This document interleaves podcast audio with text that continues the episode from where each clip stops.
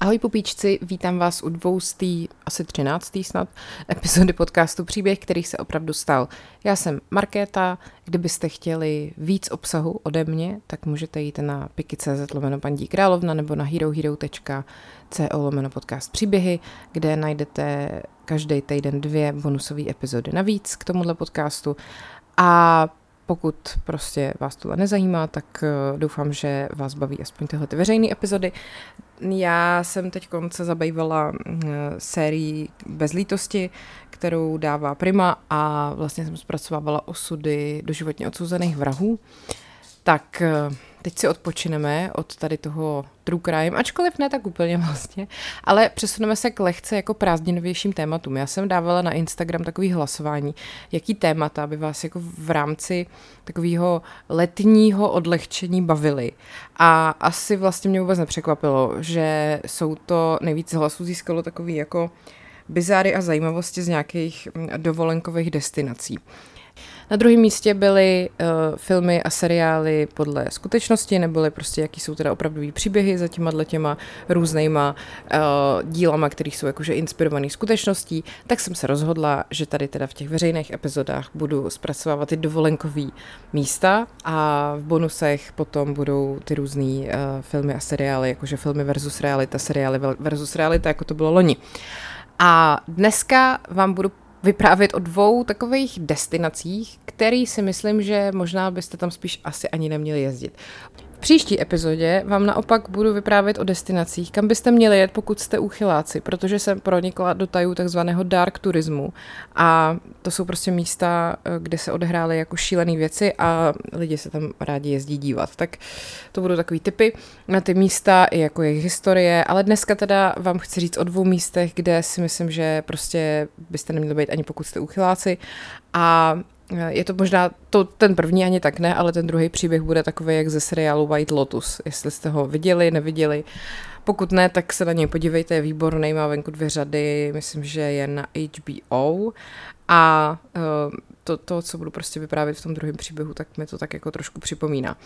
No, tak dost úvodu, uh, vrhneme se na to, takže téma dnešní epizody je sem nejezděte na dovolenou a ne jako místa, kde by se vám mohlo něco stát.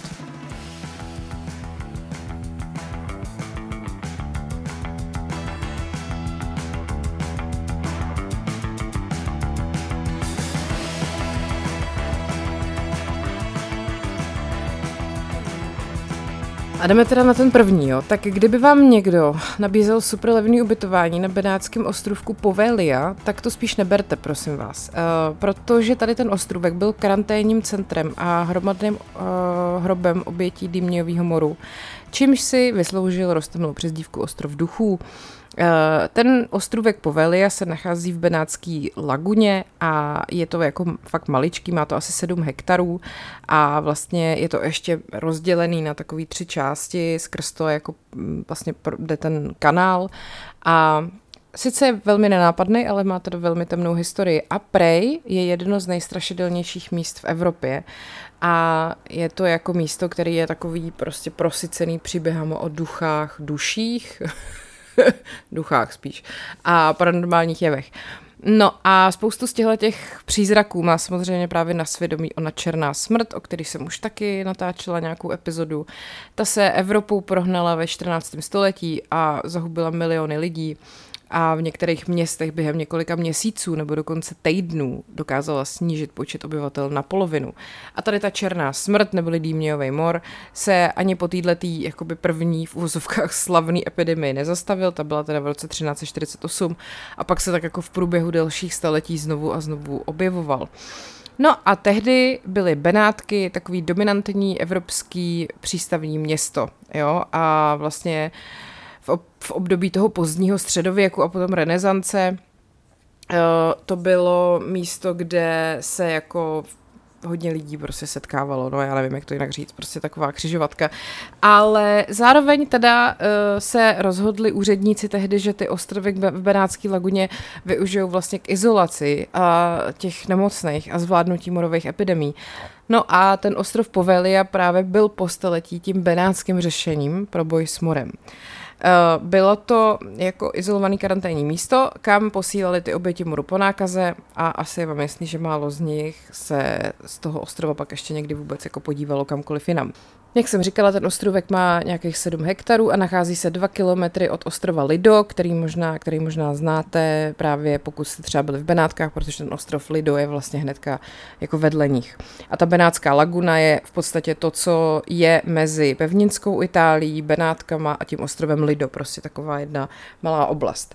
No a na tohle ten, na tomhle tom Pidi ostrově eh, bylo prostě v průběhu století umístěno víc než 160 tisíc obětí moru a úředníci uh, tam vlastně nedělali jenom jako karanténní místo pro nemocný a brzy zemřelí. Oni tam taky spalovali mrtvoly, aby zastavili šíření té nemoci a říká se, že lidský popel z těchto kremací tvoří i po těch staletích víc než 50% půdy ostrova. Uh, jako říkám, no, kdybyste našli nějaký Airbnbčko na tomhle ostrově, tak prostě klikejte dál. Uh, pojďme se podívat na to, jak to s tím ostrovem vlastně bylo. V téhle Benátské laguně se nachází 166 ostrovů a tady tenhle ten ostrov právě je vlastně přímo jižně od náměstí Piazza San Marco. Uh, je takhle, od 5. století tam bydleli lidi, bylo to od doby, kdy Římani prchali před nájezdama Gotů a Hunů na právě takovýhle různý ostrovy v té laguně. A jak se Benátky stávaly čím dál tím větší velmoc, tak ta Povelia se stala docela důležitým obraným místem. Ve 14. století eh, Benátčani na ostrově postavili pevnost a zřídili tam základnu, která vlastně pomáhala ničit nějaký nepřátelský lodě, jako předtím, než se mm, dostali do Benátek.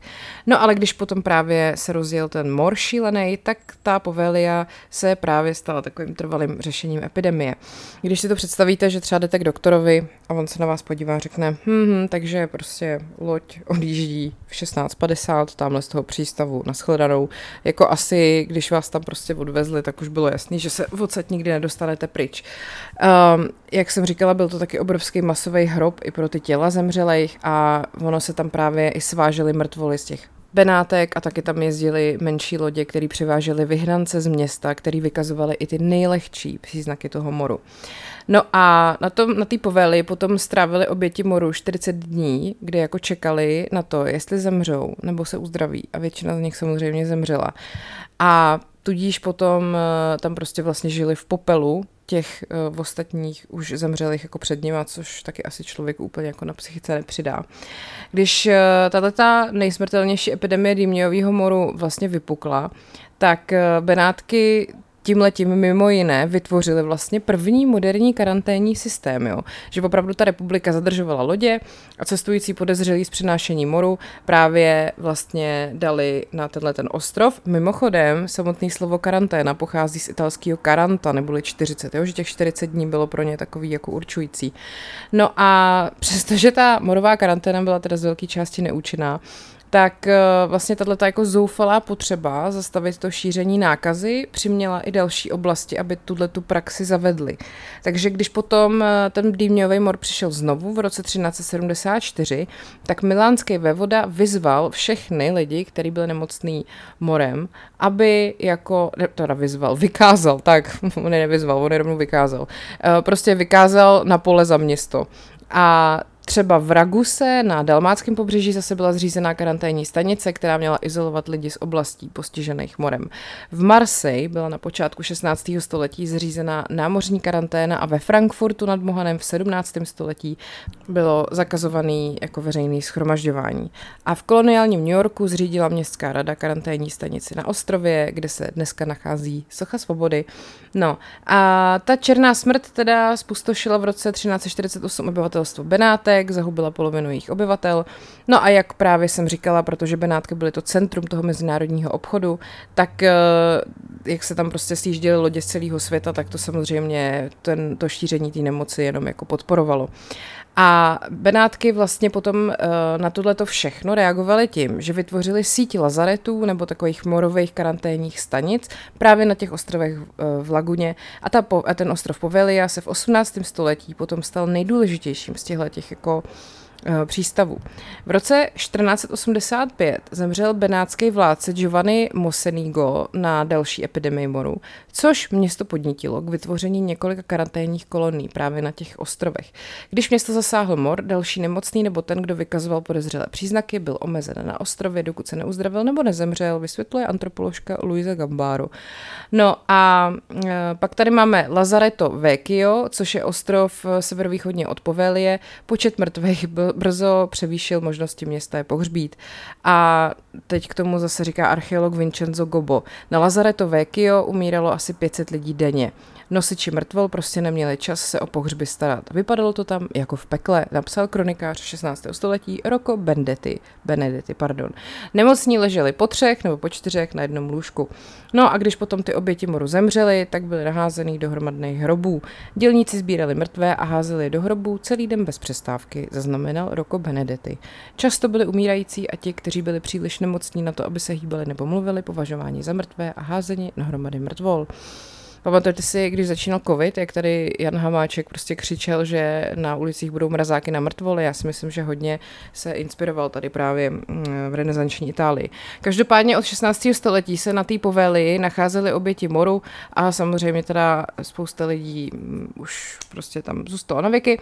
No a v 18. století se potom eh, ten ostrov stal ještě důležitějším v plánech na plánech Benátek na prevenci epidemí. V roce 1777 Benátský zdravotní magistrát přeměnil ostrov Povelia na hlavní kontrolní stanoviště pro případ moru. Takže každá loď plující do Benátek se nejdřív musela zastavit na Poveli, kde proběhla kontrola. Jo, takový to covid uh, testování, když prostě jste uh, šli třeba do českého rozhlasu, tak vám měřili teplotu. Tak to byla tehdy povelia. A pokud některý z námořníků vykazoval příznaky moru, tak uh, Benátky ho dál z té povely už nepustili, což muselo být velmi příjemný, když prostě tam jako řeknou vám, abyste tam zůstali na 40 dní a jo, tady jak se práší, no tak to jsou prostě stovky tisíc mrtvých před tebou. Uh, ostrov Povelia takhle zůstal důležitý až do roku 1814 a samozřejmě, že Benátčani díky tomuhle tomu strašidelnému odkazu mu začali říkat ostrov duchů. A k tomu k té temné historii toho ostrova přispěla i skutečnost, že v roce 1922 Benátčani ten ostrov proměnili a vybudovali na něm psychiatrickou léčebnu. A tak se samozřejmě brzy rozšířily zvěsti, že lékař v nemocnici prováděl na svých pacientech různý morbidní pokusy a pak prý údajně zemřel po pádu ze zvonice na ostrově. Ta nemocnice potom byla uzavřená v roce 1968 a ostrov Povelia zůstal opuštěný. Asi není divu, že tam nikdo moc nechce bydlet. V roce 2014 se Benátky neúspěšně pokusili ostrov vydražit, ale z obchodu sešlo a status ostrova zůstává tak jako nejistý. Tak hele, kdybyste třeba měli nějaký peníze navíc a chtěli jste si koupit ostrov, tak tady poveli asi k dispozici zřejmě. Je nutný teda nějak počítat s tím, že je to místo, kam eh, se bojí jezdit i rybáři, jo, prej, protože oni tvrdí, že tam odsud eh, vždycky slyší nějaký jako výkřiky a podobně, že prej to místo je přeplněné prostě neklidnými dušemi, eh, že je prej slyšet i ten zvon ve věži, což je ještě o něco víc creepy, když víte, že ten zvon tam už dávno jako není. Je tam prej duch, kterýmu se říká Little Mary a ten se prej na ostrově zjevuje už víc než 400 let. A prej je to jako malý dítě, který tam právě z největší pravděpodobností umřelo na mor. A potuluje se po pláži a srdce rvoucím způsobem pláče. Taky se tam prej vyskytují duchové z doby, kdy tam právě byla ta psychiatrická léčebna. Eh, třeba Pietro, muž se dvěma amputovanýma nohama, se prej po nemocnici prohání na invalidním vozíku a lidi tvrdí, že slyší jeho příznačný invalidní vozík, ten zvuk. Uh, pak je tam taky Federico, ten se celý den hlasitě směje a pravidelně se tam objevuje i duch mladé ženy, která má ve tváři děsivý výraz. Uh, lidi se taky, lidi říkají, že taky je tam šílený doktor, který tam furt dál provádí svoje zvrácené experimenty. A pak taky třeba tam prostě jako lidi viděli tváře za oknama té nemocnice a podobně, že během návštěvy ostrova je třeba někdo pozoroval nebo i sledoval a některý lidi jako cítí úplně nějaký strašný jako psychický záchvěvy, když se tam prostě vůbec jako objeví na tom ostrově. Uh, vlastně, když byste chtěli vstoupit do té nemocnice, tak je to, jde to několika způsoby, ale vlastně ten nejsnažší vstup je zároveň ten nejděsivější, protože musíte projít jedním z krematorií.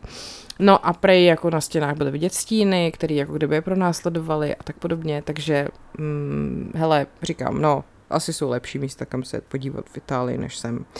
Tak a pojďme se podívat na ten druhý příběh, na, na to druhé místo, který vás možná překvapí vzhledem k tomu, jak je populární a známý, ale teda rok 2018 tam byl velmi, jak to říct, uh, brutální. Chci mluvit o Dominikánské republice. Tam totiž v roce 2018 zemřelo strašně moc amerických turistů za docela jako podivných okolností. Uh, a u spousty z nich se projevovaly jako stejné příznaky a spousta těch umrtí do dneška není vysvětlených. Tak já vám o tom budu vyprávět. Uh, doufám, že nemáte letenky do Dominikány třeba zrovna, já nevím, na pozejtří prostě. Ale tak kdyby jo, tak asi možná nepíte nic, co vám tam namíchají. no ale říkám, to je jako White Lotus. Takže asi všichni víte, že Dominikánská republika je oblíbenou dovolenkovou destinací, protože tam má prostě všechno jak v ráji, bílý písečný pláže, tropický deštní pralesy a pak jsou tam ty velký all-inclusive rezorty a každoročně tam prostě přijede 6 milionů turistů. No a právě v tom roce 2018 tam zemřelo 13 Američanů a takhle, čtyři z těch umrtí byly utonutí, čtyři autonehody, dvě vraždy, jedna sebevražda a jedna nezjištěná nehoda tak se na to pojďme podívat, co se tam vlastně komu stalo. Jo? Ono to tak jako vypadá, že ty incidenty spolu nesouvisí, ale prostě uvidíte sami. Takže máme tady Tracy Jeroma Jestra Juniora, jmenuje se Benjamin Bedford Blue, uh, z Forsythu v Georgii a ten údajně zemřel na dýchací potíže. Jeho matka sdělila televize ABC News, že teda tohle bylo oficiálně uvedeno jako příčina smrti, ale jemu bylo 1,30 a je divný, že by něco takového se mu stalo, když nikdy předtím žádný takovýhle dýchací potíže neměl. No a večer předtím mluvila právě ta jeho matka s ním, když tam někde seděl v baru a že prej uh, vypil nějakou limonádu limonádu a prej chutnala divně. A dnes ráno, teda dnes ráno, druhý den ráno, potom té matce volala dcera, která tam s ním byla a řekla, že Jester prostě padl na kolena a začal zvracet krev. Následně teda bohužel zemřel v 31 letech na dýchací potíže, které se teda projevovaly takovýhlema příznakama. Já nevím, no. Pak tady máme 603, pardon, 640 letého Kalida Atkinse z Denveru, který zemřel poté, co byl příliš nemocný na to, aby mohl odletět domů. Uh, on zemřel 25. června 2018, byl teda hospitalizovaný v Santo Domingu, uh, což potvrdila jeho švagrová. No, on totiž se o víkendu potom pokusil odletět zpátky do Spojených států, ale při nástupu do letadla se jako strašně potil, pak na to ale letadla zvracel a tak ho donutili vystoupit z toho letadla. Převezli ho právě do Santo Dominga, řekli, že má zase dýchací potíže a že mu selhávají ledviny a uh, že jako jeho dcera potom nějak na Facebooku psala, že když potom odjela a on tam zůstal v té nemocnici, že, že fakt na tom byl jako hodně špatně. No nicméně jako příčina smrti nějak nikdo jako neuved pořádně a nikdo jako nezjistil a pán tam prostě zemřel v té nemocnici. Tudu. Pak tady máme Josefa Elena, 55 letýho, který byl nalezený mrtvý ve svém hotelovém pokoji poblíž Puerto Plata. Jeho rodina uvedla, že tam slavil narozeniny svého kamaráda, když jako zemřel. Jeho bratr uvedl, že si Joseph před smrtí stěžoval přátelům, že je horko a šel si lehnout do svého pokoje.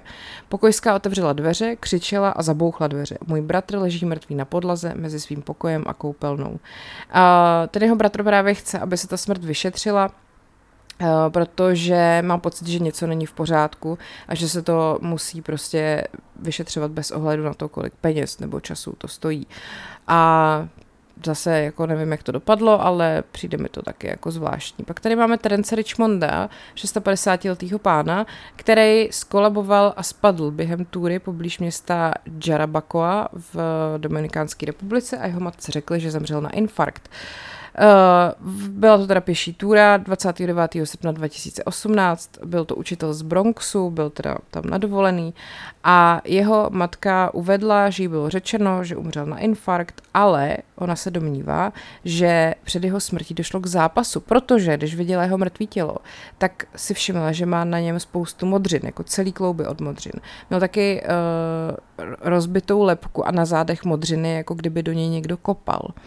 No a vlastně, uh, ačkoliv ty úředníci místní řekli, že zemřel na infarkt, tak pitva, kterou potom, uh, kterou potom proved Národní ústav soudního lékařství, ukázala, že měl tekutinu v plicích a prasklou lepku. What? Pak tady máme 53-letou Leilu Coxovou. Leila Coxová v New, z New Brightonu v New Yorku na Staten Islandu zemřela 10. června během pobytu v rezortu Excellence v Punta Caně. Uh, byla to teda žena, jejíž syn tohle to celý jako nahlásil, odcestovala do Dominikánské republiky 5. června, měla se vrátit 12. a zemřela den po oslavě svých 53. narozenin a její tělo bylo nalezeno v hotelovém pokoji. Uh, její syn uvedl, že mu představitelé americké ambasády sdělili, že jeho matka zemřela na infarkt, ale vzhledem k právě ke všem těm ostatním zprávám o dalších úmrtích považuje tohleto úmrtí za podezřelé. Což chápu, když potom zjistíte, že prostě v tom samém rezortu nebo někde okolo umřeli další lidi za podivných okolností, tak vás to asi úplně neuklidní. Pak tady máme Roberta Bella Volise, ten zemřel po požití nápoje z hotelového minibaru. Jeho příbuzný sdělili televizi Fox News, že se mu udělalo špatně poté, co se napil z minibaru svého hotelového pokoje v rezortu Hard Rock Hotel and Casino v Punta Caně, když tam byl na svatbě svého nevlastního syna. Prej uh, před cestou, jak řekla jeho neteř, byl jako v dobrém zdravotním stavu a uh, vlastně přijel tam se svou ženou okolem půlnoci, pak si dal skotskou z minibaru druhý den, začalo mu být velmi špatně, hned poté měl krev v moči a ve stolici. Uh-huh. A 13. dubna ho hospitalizovali a 14. zemřel. A úředníci Dominikánské republiky rodině příčinu smrti nezdělili. Pěkný. Pak tady máme 35, 40 letého Davida Harrisona, který umřel potom, co onemocněl ve stejném letovisku, opět Punta Cana, když tam byl nadovolený s rodinou. Uh, takže její, jo, tady Don McCoyová sdělila serveru Insider, že její manžel David Harrison uh, zemřel, když právě uh, byli zase v tom Hard Rock Hotel and Casino, v tom samém hotelu jako ten předchozí pán v té Punta a podle pitvy zemřel na infarkt a plicní edém. Uh, jeho žena k tomu řekla, nemohl mluvit, nebyl schopen se posadit, všechno, co z něj vycházelo, bylo jen chrčení. Uh, řekla, že lékaři trvalo 22 minut, než se dostal do jeho pokoje. Uh, lékař řekl, že má ten její manžel stále slabý puls, ale převezli ho teda do nemocnice, ona čekala dvě hodiny a vlastně potom jí řekl jenom nějaký pracovník pohřební služby, že teda už by s ním měl vyřizovat jako věci k pohřebu, protože její manžel je mrtvej. To je pěkný, ne? Sedíte v nemocnici, čekáte na to, co jako vám kdo přijde říct s výsledkama nějaký operace nebo nějakého vyšetření a vám přijdou uh, nabídnout prostě letáček do pohřební služby. No, pak tady máme Jerryho Karena, který zemřel v lednu v letovisku Punta Cana. Uh, zemřel tři dny poté, co se 22. ledna ubytoval v letovisku Dreams v Punta Caně. Uh, Prej se mu udělalo špatně po večeři a pití s manželkou Janet a přáteli a poté, co začal zvracet, byl poslán do nemocnice. No a jeho dceři volal rodinný přítel, který právě s tím otcem jako cestoval. Tvůj otec potřebuje operaci, jinak zemře a oni potřebují 50 tisíc dolarů a ty jim musíš poslat kopii svého pasu, přední a zadní stranu své platební karty a zmocnění, že jim povoluješ vybrat 50 tisíc dolarů. Aha. Ona prý teda sice ty peníze zaplatila a její otec později zemřel. Zvládl operaci a asi po 8 hodinách stejně byl konec. A příčiny smrti byly edem, plic, hypoxie mozku, subdurální hematom a těžké encefalitické poranění lepky co všechno se vám stane na dovolený, jo. Pak tady máme Victor, Victoria Caruza, což zní prostě jak postava z nějakého románu, ale ten teda zemřel v červnu poté, co záhadně onemocněl na dovolené v Dominikánské republice. Uh, úředník ministerstva zahraničí potvrdil televizi CNN, že muž z New Yorku tento měsíc náhle onemocněl a zemřel během dovolené v Dominikánské republice. Uh, rodina muže později teda identifikovala jako Victoria Caruza, muž z Long Islandu, uh, vlastnil dříve s bratrem pizzerii. Zajímavosti. No a jeho švagrová teda řekla, že Vittorio zemřel 17. června poté, co prej volal rodině, že je nemocný. A hned jako chvíli potom volali, že teda už je z, z, jako zemřel a že prej tada, trpěl dýchacími potížemi poté, co něco vypil. Zjistili jsme, že ho sanitka přivezla do nemocnice v dechové tísni po tom, co něco vypil. Bylo nám řečeno, že nereagoval na žádné léky, které mu byly podány a zemřel. Upřímně řečeno, nevím přesně, co se stalo, protože nám různě lidi, různí lidé říkají protichudné historky. Jako dovedete si vůbec představit, že by se tohle stalo něko, nějakému vašemu blízkému? Prostě, jo, dal si nějaký pití, pak mu bylo nějak blbě a pak umřel. Víc k tomu nemáme, tak je nám to líto, jako ty vole. No, pak tady máme Mirandu Schaub Wernerovou, která zemřela opět na nějaký selhání dýchání. Opět eh, v Dominikánské republice, samozřejmě v hotelovém pokoji. 41-letá žena z Allentownu v Pensylvánii skolabovala a náhle zemřela 25. května ve svém pokoji v hotelu Bahia Principe v letovisku Playa Nueva Romana v La Románě poté, co si dala drink z minibaru, uvedl pro Fox News její příbuzný. Schaub Wernerová, psychoterapeutka, se v hotelu ubytovala se svým manželem Danielem Wernerem. Plánovali oslavit deváté výročí svatby. No a Ona teda, že prej si dala z minibaru láhev s nějakým míchaným alkoholem a sodovkou a ona celou hodinu později skolabovala. Eh, Tedy manžel provedl resuscitaci a volal pomoc a když teda přijeli záchranáři, tak jí dali injekci s adrenalinem a jako asi, že mohla utrpět alergickou reakci, no ale chvíli potom ji prohlásili za mrtvou. A opět příčina smrti, selhání dýchání a plicní edém. Jako vtf, ty vole. Pak tady máme Edwarda Nathaniela Holmese a Cynthia Dejovou, který zemřeli na selhání dýchacích cest ve stejném středisku v květnu. Edward Nathaniel Holmes a Cynthia Dejová byli 30. května nalezený mrtví ve svém pokoji v hotelu Bahia Principe v letovisku Playa Nueva Romana. To je úplně ten samý hotel, pro boha. Policie Dominikánské republiky uvedla, že Holmes a Dejová zemřeli na selhání dýchání a plicní edém, což je opět že abnormální nahromadění tekutiny v plicích, stejně jako paní Schaub Wernerová. A v pokoji Prej byly nalezeny léky určené k léčbě vysokého krevního tlaku a nebyly zjištěny žádné známky násilí. Ty vole, ale jako já, kdybych prostě tam měl nějakého příbuzného, tak nějaký známky násilí pak budou zjištěny na, na tom personálu tam v tom hotelu. No, pak tady máme Yvette Monique Sport, která zemřela údajně na infarkt v, hotel, v jiném dominikánském hotelu řetězce Bahia Principe. Yvette Monique Sport, 51 let, z Glenside v Pensylvánii, zemřela v Bahia Principe v Punta Caně. Eh, v jejím umrtním listu jako příčina smrti uveden infarkt a její sestra, tomu nebudete věřit, uvedla, že se ta paní sportová napila z minibaru v hotelovém pokoji, šla si lehnout a už se neprobudila. Bylo nám slíbeno, že do tří měsíců dostaneme toxikologickou zprávu a samozřejmě nedostali nikdy nic. Žena tvrdila, že po vypití něčeho, co považovala za limonádu z minibaru v hotelovém pokoji, zvracela krev. Tada. A Vilda Montésová, 43-letá žena z Queensu, v New Yorku tvrdila, že zvracela krev poté, co 25. října 2018 v hotelu Bahia Principe vypila v minibaru, z minibaru svého hotelového pokoje něco, co považovala za 7 up. By, bylo mi mizerně, zvracela se, měla jsem bolesti žaludku, chemické popáleniny jsem měla všude, stále nemám cit v jazyce. A když teda řekla, že to jako ohlásila, tak personál hotelu jí nabídnul masáž uh, a, a večeři zadarmo. A taky chtěli, aby podepsala dohodu o mlčenlivosti a ona to teda nepřijala, takže to řekla jako what. Manželé z Coloreda tvrdí, že byli otrávený v letovisku v Dominikánské republice, kde zemřeli tři lidé. Kaylin Knulová řekla kanálu The Denver Channel, že spolu se svým přítelem v červnu 2018 byla otrávena v rezortu Grand Bahia Principe La Romana. Uvedla, že jejich pokoj v letovisku byl silně cítit chemikáliema, jako kdyby někdo všude vylil barvu. Nadměrně jsme slintali, nepřestávali mi slzet oči a uvedla, že si teda vyměnili pokoj, ale druhý den ráno, že se zbudili celý jako spocený a bylo jim zle. A výlet zkrátili a pak odletěli domů a lékař zjistil, že byli pravděpodobně vystavený otravě organofosfáty nebo nějakýma jako, to jsou nějaký jako pesticidy. Měla jsem nejhorší střevní křeče, který jsem kdy zažil. Bylo to jako kdyby mi střevy projížděla motorová pila, řek, který, jo, měla jsem nejhorší střevní křeče, který jsem kdy zažila. Tak, bylo to jako kdyby mi střechy, střechy, střevy projížděla motorová pila, řekla paní Kaylin Knulová.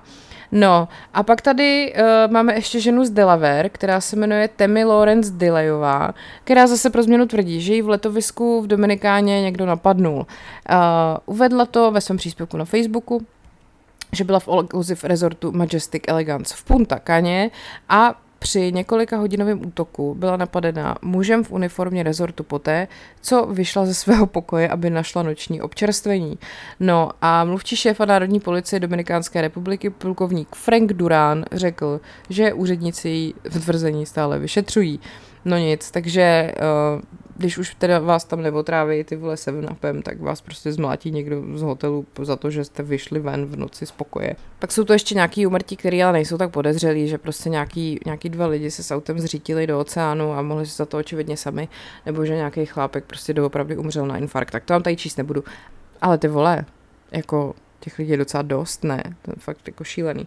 No tak uh, doufám, že se teďka někomu neskazila plány na dovolenou. Uh, určitě v Dominikánské republice spousta rezortů a hotelů, který uh, nemají chemikálie v lahvích s pitím a, a tak. Uh, takže já asi už vás nebudu děsit radši a pro dnešek si dáme pohov a příště teda, kdyby, hele takhle, jestli vás tohle baví, jako nějaký takovýhle bizarní prostě příběhy z nějakých jako míst, kam se jezdí na dovolenou, tak já můžu pohledat další, ale říkám, ne, nechci vám zkazit úplně jako veš, všechny vaše plány na, na, na vaše výjezdy kamkoliv, samozřejmě, že cestování je skvělý, ale teda příště ještě se chci věnovat tomu dark turismu, a probrat jako místa, na který se lidi jezdí bát a podobně, jo, tak jako asi je vám jasný, že budu mluvit třeba o Černobylu nebo o nějakých opuštěných koncentračních táborech a tak. Ano, prostě takový ty místa, kam, kam se jedete kam se nejedete opalovat. No, tak, eh, tak jo, tak to je teda ode mě pro dnešek všechno.